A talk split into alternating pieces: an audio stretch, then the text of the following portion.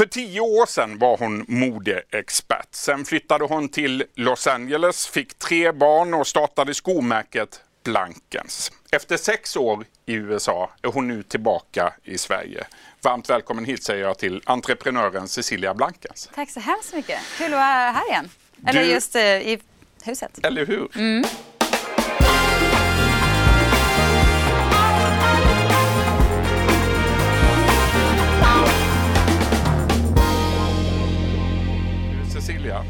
februari i år då gav du beskedet i bloggen.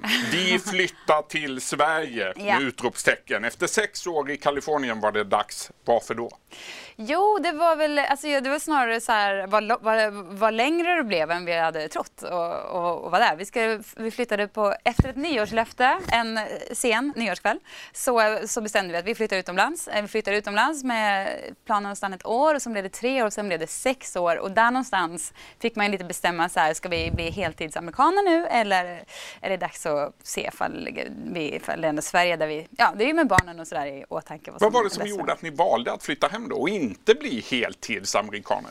Ja, men jag tror att jag, jag tror både jag och min man eh, Per har lite svårt att se oss eh, liksom själva bli gamla där och barnen skulle flytta till olika delar av... Nej, det var liksom bättre att bara knyta ihop alla och så. Och smyga hem? Eh, Smyga hem lite ja. Nej, men jag, jag, tycker, jag, har, jag tycker väldigt mycket om Sverige. Alltså jag har aldrig haft några problem med vinter och höst och sådär, säger jag nu. Men vi får se om hur det känns om ett år. Men än så länge så, så...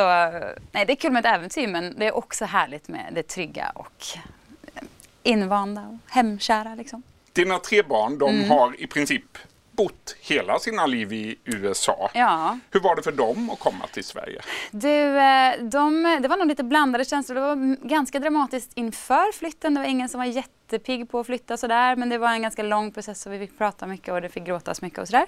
Och sen när vi flyttade hem så har det varit väldigt eh, härligt faktiskt måste jag säga. De är ganska så här, socialt amerikanska så de är liksom ganska pang på. Så Hur är att man då? Om Ja, man är socialt amerikansk? Ja, men amerikaner är inte blyga precis, utan de liksom tar för sig lite grann och liksom slänger sig in i nya liksom, relationer och sådär. Och de har väl haft, eh, det har varit en bra, ja, det var bra, bra med sig den, att det är liksom lite lätt sådär socialt, det är ingen större bekymmer. Vad har förändrats här hemma i Sverige då, sen du bodde här sist? Ja, men jag, jag måste säga att jag var, nu kan jag mest prata om Stockholm just eh, nu då och jag, var, jag har verkligen inte saknat Stockholm måste jag säga. Så jag var så ah, vi var lite så här, ska vi, var ska vi bo? Och vi var verkligen he, nästan hela Sverige som, ja men sen blev det Stockholm ändå. Så blev det ändå Stockholm. Ja, men det var liksom enklast på något vis. Och sen hittade vi ett fint hus och sådär. Och i Stockholm måste jag säga att jag tycker ett, så här bara konkreta små saker, att det är så otroligt mycket bra och härlig mat överallt. Alltså i små restauranger och så här, det är- liksom en helt annan matvärld. Och sen två, tycker jag att eh, det är så väldigt mycket mer internationellt.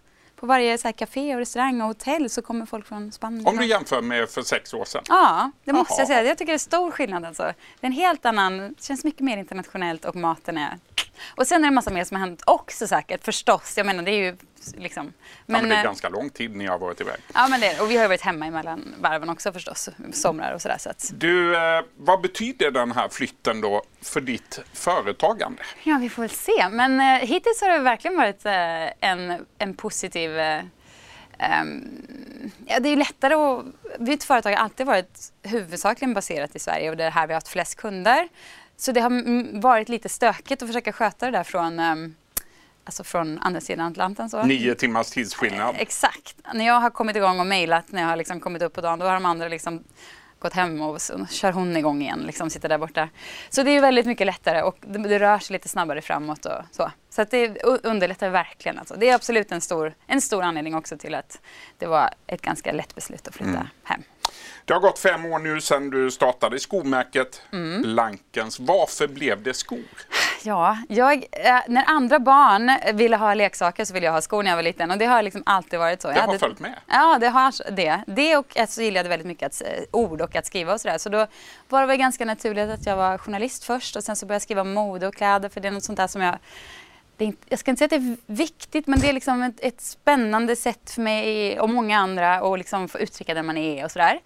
Uh, och skor har allt hängt med och sen så fick jag en så här genialisk idé tyckte jag att det var, fanns väldigt nu har det ändrats lite, men när första affärsplanen skrevs så fanns det liksom väldigt dyra skor och ganska billiga skor. Men det fanns väldigt lite mellanprissegment som fortfarande var bra och med hållbarhet kring produktion och sådär. Då häggar den Hägga den biten.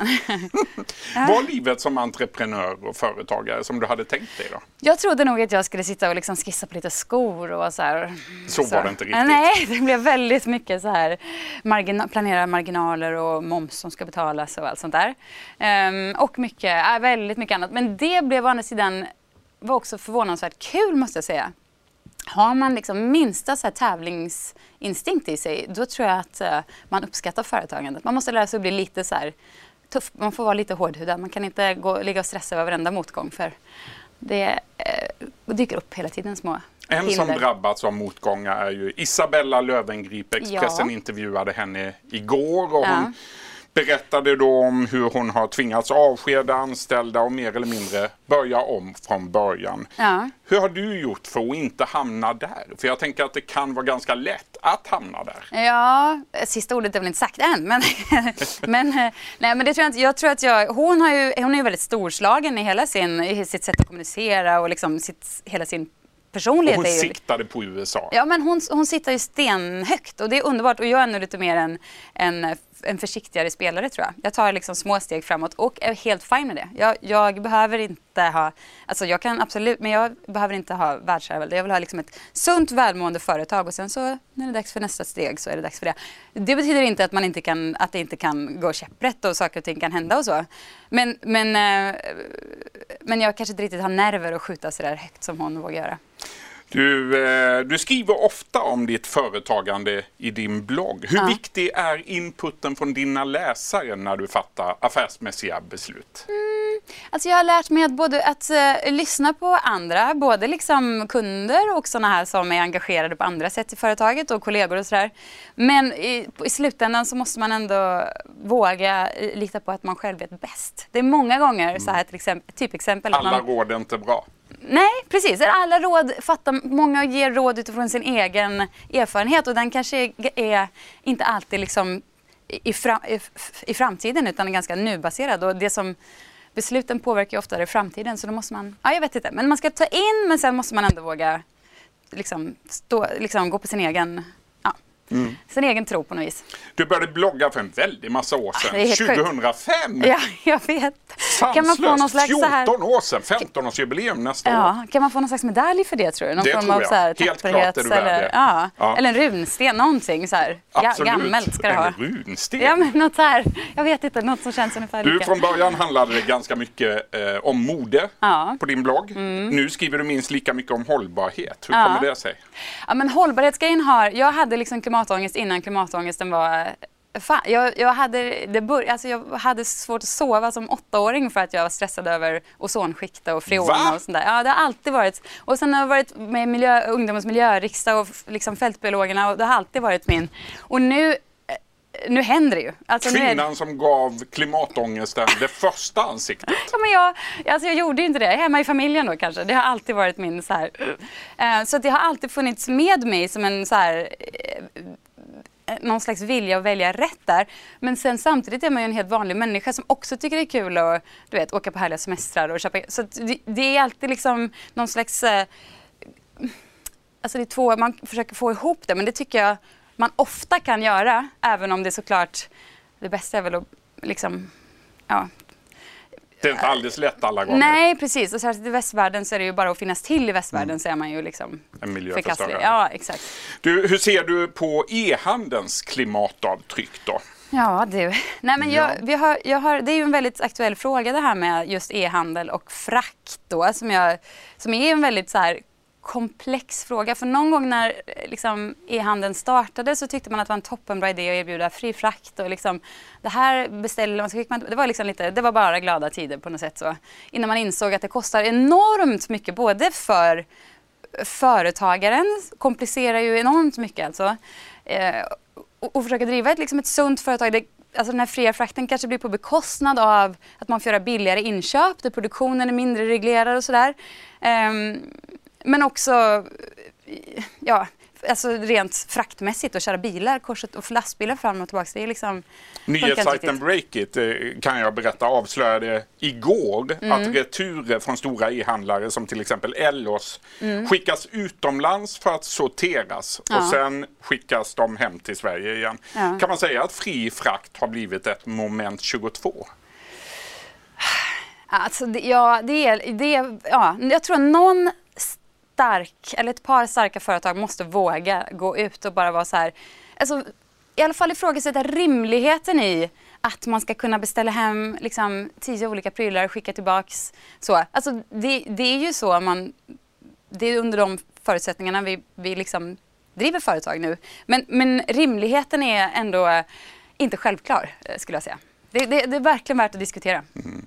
Finns det något du tycker att alla ska börja göra idag för klimatet? Något som vi alla kan göra? Alltså det absolut lättaste är att eh, dra ner på köttkonsumtionen. Det är ju, jag menar, även om man är en inbiten köttätare så är det ju inget som säger att man måste ha äta en köttbit liksom, Hur ofta morgon. äter du kött eller är du vegetarian? Nej, jag är väl, nej det är jag inte, men jag äter väldigt lite kött. Alltså det är Mm. väldigt lite. När jag insåg, jag hade liksom inte fattat förrän för fem år sedan vilken otroligt stor eh, påverkan kött är. Då slutade jag, liksom, då insåg jag bara på dagen att men herregud, det här verkar löjligt. Så det är ju, det är ju liksom, det är en, en så otroligt lätt sak att justera.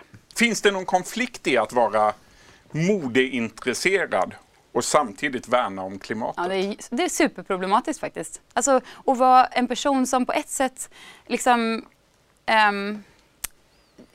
ve- alltså, älskar konsumtion av olika slag. Alltså, nu låter det men alltså, jag tycker verkligen om så här, en ny... Alltså, jag handlar eh, 80% begagnat så att det är väl ändå så här fine. Men det är ändå så här, jag, jag kan verkligen vara lycklig över en liksom, second hand-shoppad ny kappa eller ett par nya skor. Och samtidigt så förstår jag ju att just det här är ett problem. Men jag tror att det finns en stor vi kan ta ett stort ansvar genom att bara tänka till lite. Köpa liksom plagg som inte är så här in och ut och sen, utan som håller länge, som är bra. Det finns en, man kan tagga ner på det och välja lite bättre och fortfarande få älska det där med att liksom leka med kläder och mode och så. Man måste bara ha en, en sund, sundare relation till det. Det tror jag vi är många som behöver fundera på. Men begagnade skor, det ska vi akta oss för. Ja, det självklart. Nej, men jag har nog haft lite begagnade skor också, men det är ju lite mer problematiskt ändå att köpa begagnat. Det, Det finns ju i och för sig oanvända, men just andra människors fotsvett vill man kanske inte riktigt... Ah, den vill man inte ha. Du, Nej. eh, Cecilia Blankens, till sist då. Flitiga läsare av din blogg, de vet redan att du sedan länge har slutat använda schampo. Eh, Gud, och då det undrar man ju ofräscht, men ja. varför och vad använder du istället? Nej, men jag, använder, alltså jag tvättar mitt hår noggrant. Men Det jag ser använder, nytvättat Ja, det är ut. väldigt nytvättat. Och jag använder schampo då och då. Men oftast, alltså, nästan alltid så använder jag något som heter Aleppo-tvål. Och det också började väl som en, så här, ett sätt att, så här, man tänker vad tokigt är att man bara spolar ut en massa så här, vad är de här schampon egentligen? Man bara spolar ut i avloppen. Det, hur rimligt är det? Rimligt ord jag återkommer till tydligen. Men, eh, och då hörde jag talas om, i mitt googlande där, om något som heter Aleppo-tvål som är en, eh, en tvål som görs i Syrien av lagerbladsolja och lite, ja. Och den luktar lite speciellt men det, man får otroligt härligt hår.